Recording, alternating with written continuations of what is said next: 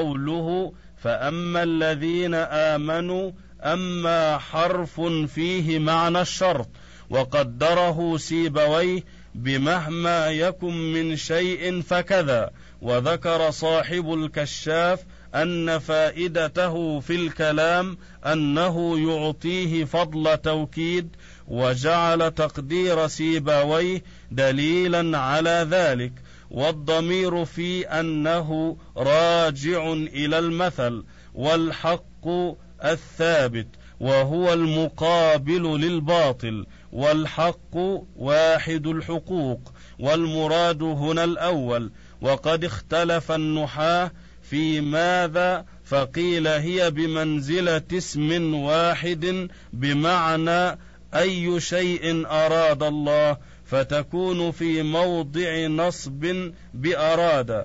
قال ابن كيسان وهو الجيد وقيل ما اسم تام في موضع رفع بالابتداء وذا بمعنى الذي وهو خبر المبتدأ مع صلته.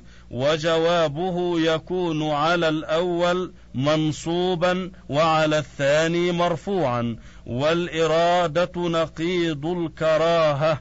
وقد اتفق المسلمون على أنه يجوز إطلاق هذا اللفظ على الله سبحانه. ومثلا قال ثعلب منصوب على القطع والتقدير أراد مثلا وقال ابن كيسان هو منصوب على التمييز الذي وقع موقع الحال وهذا أقوى من الأول. وقوله يضل به كثيرا ويهدي به كثيرا هو كالتفسير للجملتين السابقتين المصدرتين بأما فهو خبر من الله سبحانه وقيل هو حكاية لقول الكافرين كأنهم قالوا ما مراد الله بهذا المثل الذي يفرق به الناس إلى ضلالة وإلى هدى وليس هذا بصحيح. فإن الكافرين لا يقرون بأن في القرآن شيئا من الهداية ولا يعترفون على أنفسهم بشيء من الضلالة. قال القرطبي ولا خلاف أن قوله وما يضل به إلا الفاسقين من كلام الله سبحانه. وقد أطال المتكلمون الخصام في تفسير الضلال المذكور هنا وفي نسبته إلى الله سبحانه وقد نقح البحث الرازي في تفسيره مفاتيح الغيب في هذا الموضع تنقيحا نفيسا وجوده وطوله وأوضح فروعه وأصوله فليرجع إليه فإنه مفيد جدا.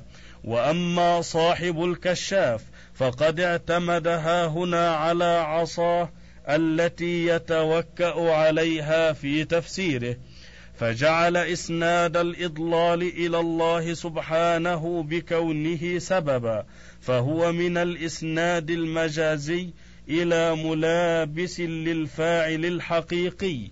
وحكى القرطبي عن أهل الحق من المفسرين أن المراد بقوله يضل يخذل والفسق الخروج عن الشيء. يقال فسقت الرطبة إذا خرجت عن قشرها والفأرة من جحرها. ذكر معنى هذا الفراء. وقد استشهد أبو بكر بن الأنباري في كتاب الزاهر له على معنى الفسق بقول رؤبة بن العجاج. يهوين في نجد وغورا غائرا فواسقا عن قصدها جوائر.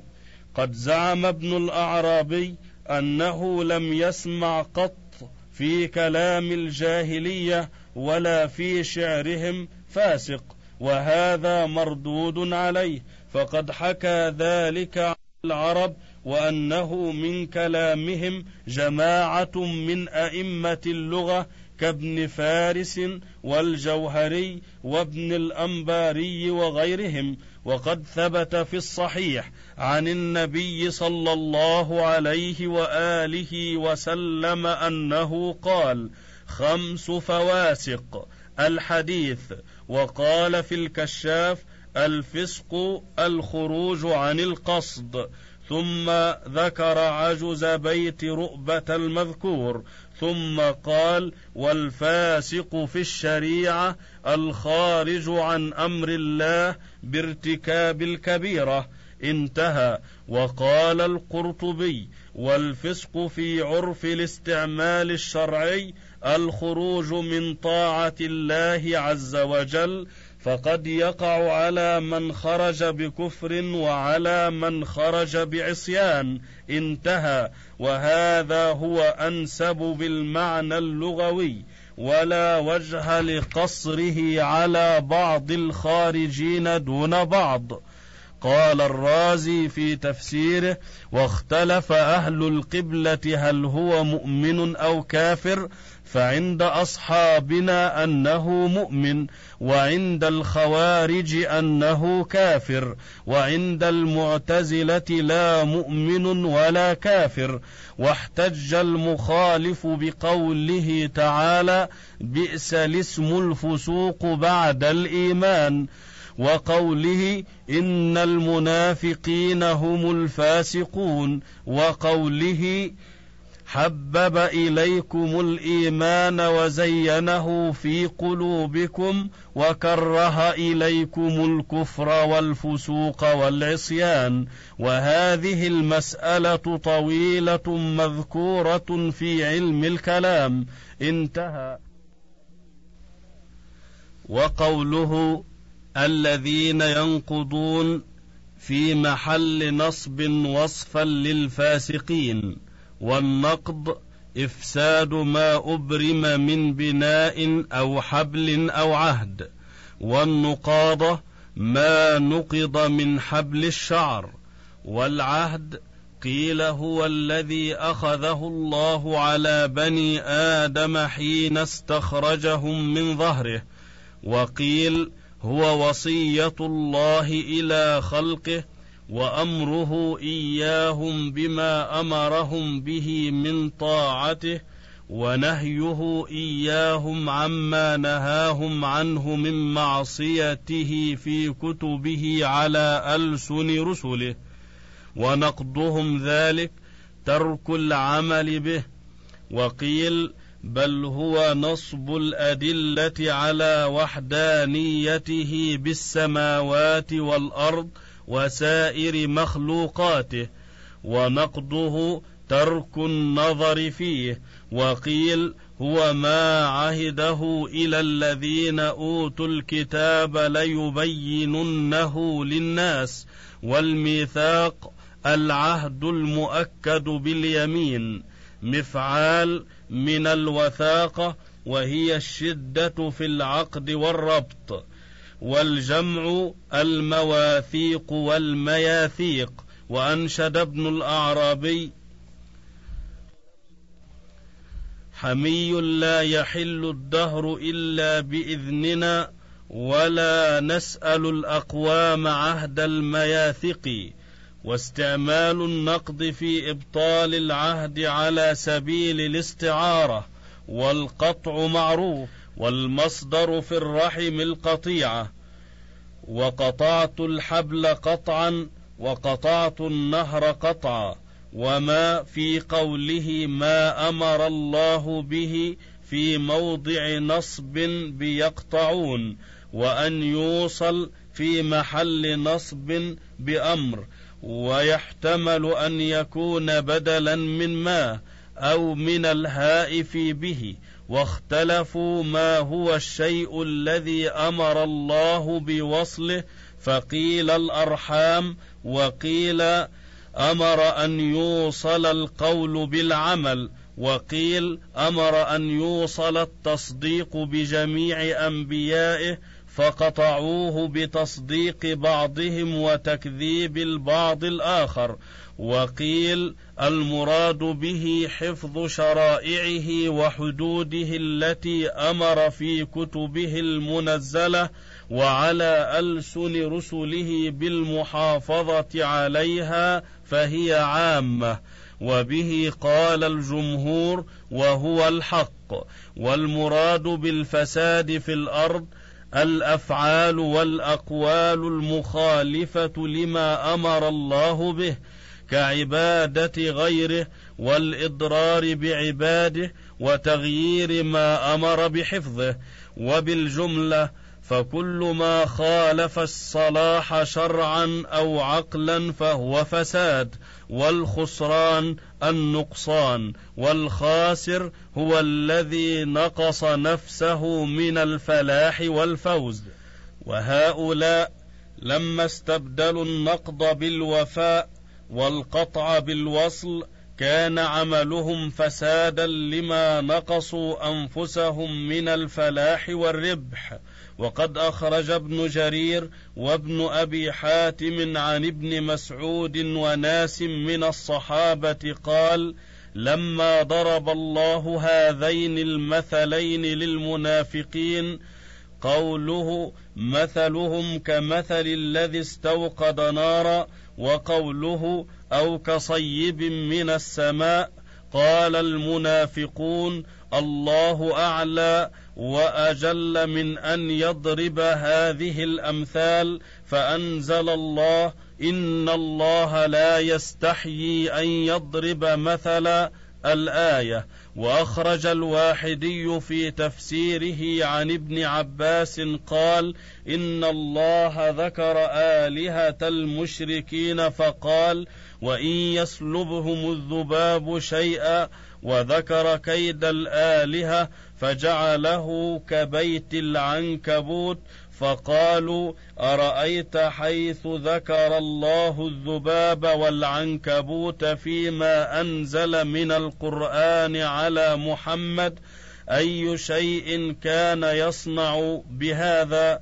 فأنزل الله إن الله لا يستحيي.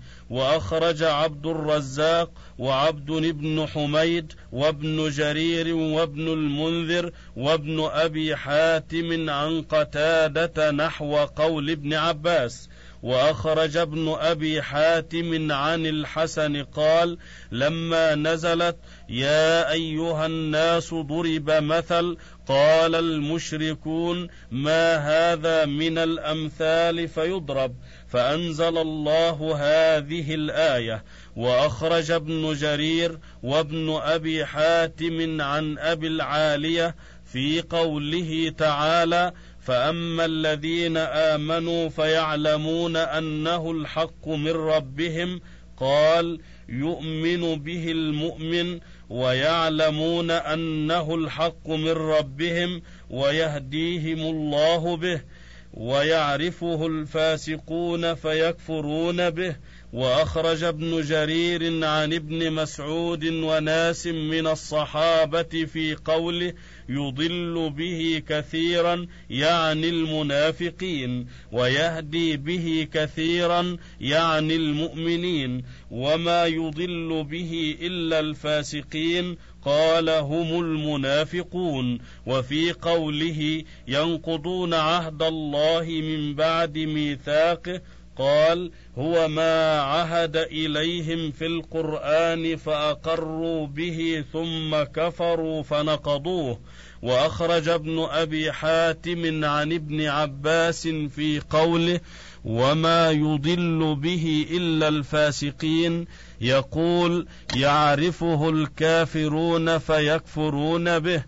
وأخرج ابن جرير عن قتادة قال فسقوا فأضلهم الله بفسقهم وأخرج البخاري وابن جرير وابن المنذر وابن أبي حاتم عن سعد بن أبي وقاص قال الحرورية هم الذين ينقضون عهد الله من بعد ميثاقه وكان يسميهم الفاسقين وأخرج عبد بن حميد وابن جرير وابن أبي حاتم وأبو الشيخ عن قتادة قال ما نعلم الله أوعد في ذنب ما أوعد في نقض هذا الميثاق. فمن أعطى عهد الله وميثاقه من ثمرة قلبه فليوف به الله. وقد ثبت عن رسول الله صلى الله عليه وآله وسلم في أحاديث كثيرة ثابتة في الصحيح وغيره من طريق جماعة من الصحابة النهي عن نقض العهد والوعيد الشديد عليه. وأخرج عبد بن حميد وابن جرير عن قتادة في قوله ويقطعون ما أمر الله به أن يوصل. قال الرحم والقرابة. وأخرج ابن أبي حاتم عن السدي في قوله ويفسدون في الأرض قال يعملون فيها بالمعصية. وأخرج ابن المنذر عن مقاتل في قوله أولئك هم الخاسرون. يقول هم أهل النار. وأخرج ابن جرير وابن أبي حاتم عن ابن عباس قال كل شيء نسبه الله إلى غير أهل الإسلام مثل خاسر ومسرف وظالم ومجرم وفاسق فإنما يعني به الكفر. وما نسبه إلى أهل الإسلام فإنما يعني به الذم.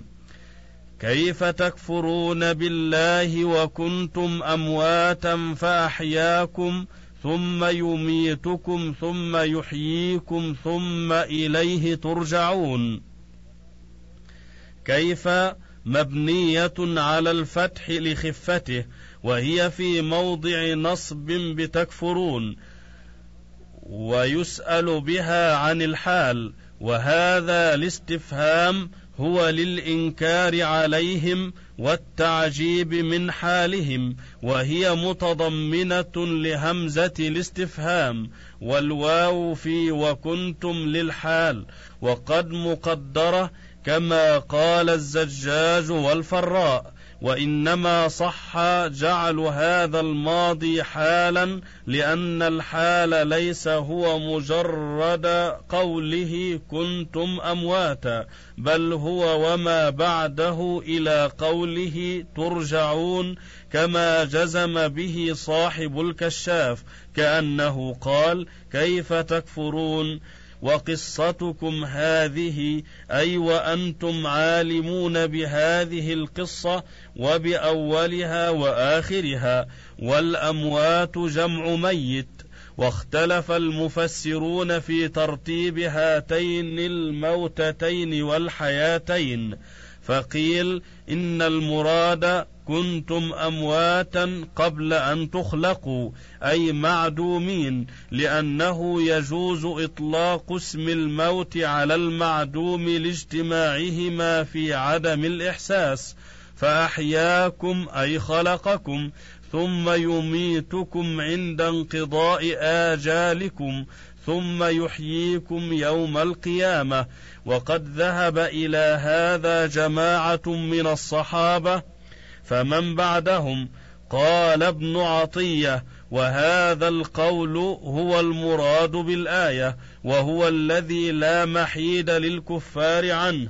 وإذا أذعنت نفوس الكفار بكونهم كانوا معدومين ثم أحياء في الدنيا ثم أمواتا فيها لزمهم الإقرار بالحياة الأخرى.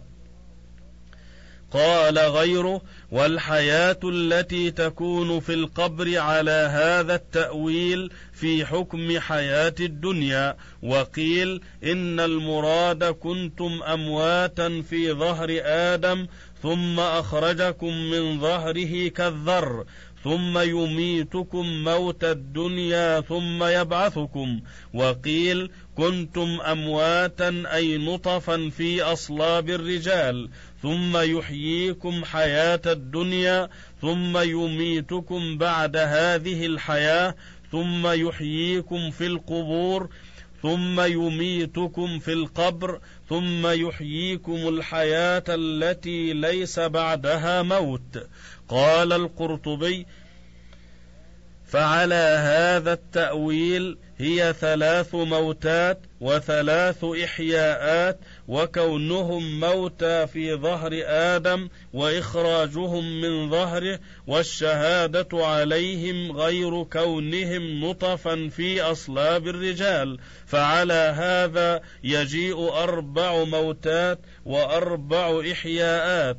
وقد قيل إن الله أوجدهم قبل خلق آدم كالبهائم وأماتهم فيكون على هذا خمس موتات وخمس إحياءات وموتة سادسة للعصاة من أمة محمد صلى الله عليه وآله وسلم كما ورد في الحديث ولكن ناس أصابتهم النار بذنوبهم فأماتهم الله إماتة حتى إذا كانوا فحما أذن في الشفاعة فجيء بهم إلى أن قال فينبتون نبات الحبة في حميل السيل وهو في الصحيح من حديث أبي سعيد وقوله ثم إليه ترجعون أي إلى الله سبحانه فيجازيكم بأعمالكم.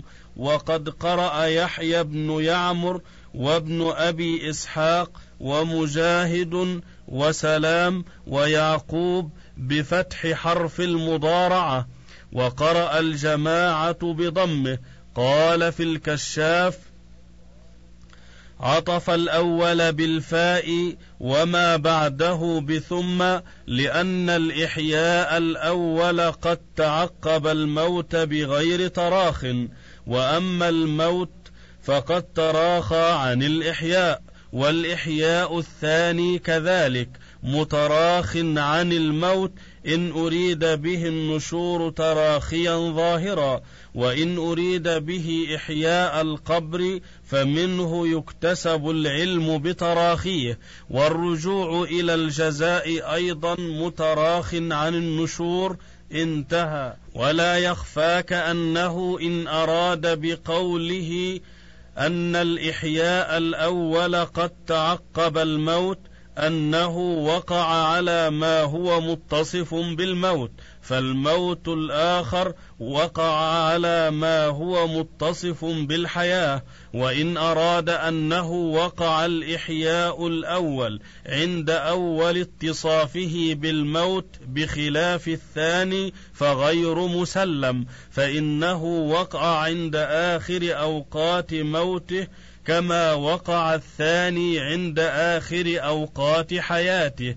فتأمل هذا وقد أخرج ابن جرير عن ابن مسعود وناس من الصحابة في قوله تعالى وكنتم أمواتا الآية قال لم تكونوا شيئا فخلقكم ثم يميتكم ثم يحييكم يوم القيامة وأخرج ابن جرير وابن المنذر وابن أبي حاتم عن ابن عباس نحوه وأخرج عبد بن حميد وابن جرير عن قتادة نحوه أيضا وأخرج ابن جرير عن أبي صالح قال يميتكم ثم يحييكم في القبر ثم يميتكم وأخرج ابن جرير عن أبي العالية في قوله وكنتم امواتا قال حين لم تكونوا شيئا ثم أماتهم ثم أحياهم يوم القيامة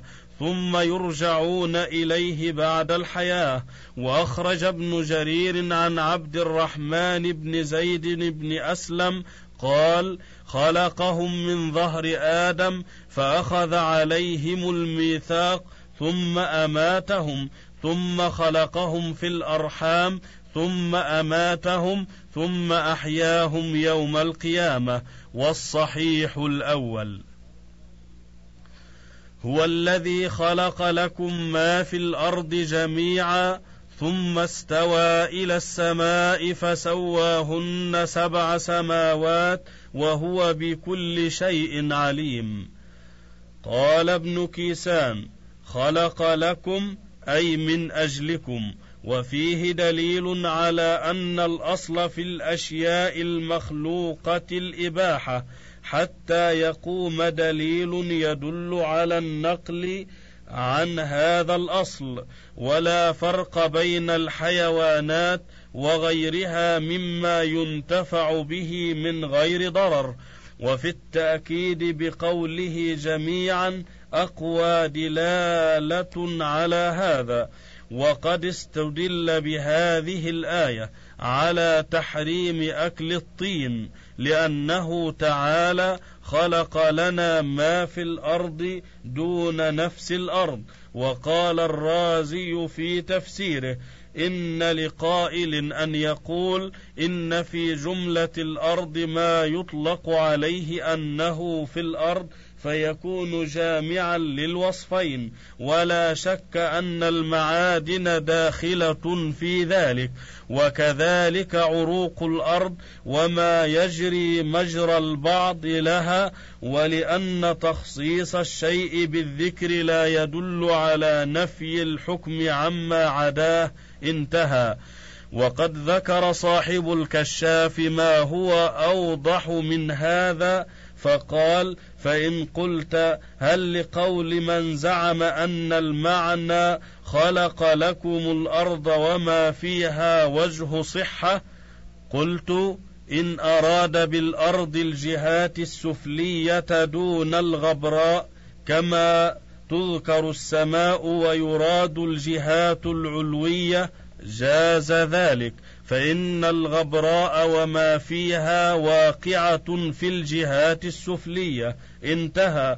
وأما التراب فقد ورد في السنة تحريمه وهو أيضا ضار فليس مما ينتفع به أكلا ولكنه ينتفع به في منافع أخرى. وليس المراد منفعة خاصة كمنفعة الأكل. بل كل ما يصدق عليه أنه ينتفع به بوجه من الوجوه وجميعا منصوب على الحال والاستواء في اللغة الاعتدال والاستقامة قاله في الكشاف ويطلق على الارتفاع والعلو على الشيء. قال تعالى فإذا استويت أنت ومن معك على الفلك وقال لتستووا على ظهوره وهذا المعنى هو المناسب لهذه الآية. وقد قيل إن هذه الآية من المشكلات. وقد ذهب كثير من الأئمة إلى الإيمان بها وترك التعرض لتفسيرها وخالفهم آخرون. والضمير في قوله فسواهن مبهم يفسره ما بعده كقولهم زيد رجلا وقيل إنه راجع إلى السماء لأنها في معنى الجنس والمعنى أنه عدل خلقهن فلا اعوجاج فيه وقد استدل بقوله ثم استوى على أن خلق الأرض متقدم على خلق السماء وكذلك الآية التي في حاميم السجدة وقال في النازعات أنتم أشد خلقا أم السماء بناها؟ فوصف خلقها ثم قال والأرض بعد ذلك دحاها. فكأن السماء على هذا خلقت قبل الأرض وكذلك قوله تعالى الحمد لله الذي خلق السماوات والأرض. وقد قيل إن خلق جرم الأرض متقدم على السماء ودحوها متأخر. وقد ذكر نحو هذا جماعة من أهل العلم. وهذا جمع جيد لا بد من المصير إليه ولكن خلق ما في الأرض لا يكون إلا بعد الدحو. والآية المذكورة هنا دلت على أنه خلق ما في الأرض قبل خلق السماء وهذا يقتضي بقاء الإشكال وعدم التخلص عنه بمثل هذا الجمع. انتهى الشريط السادس وللكتاب بقية على الشريط التالي.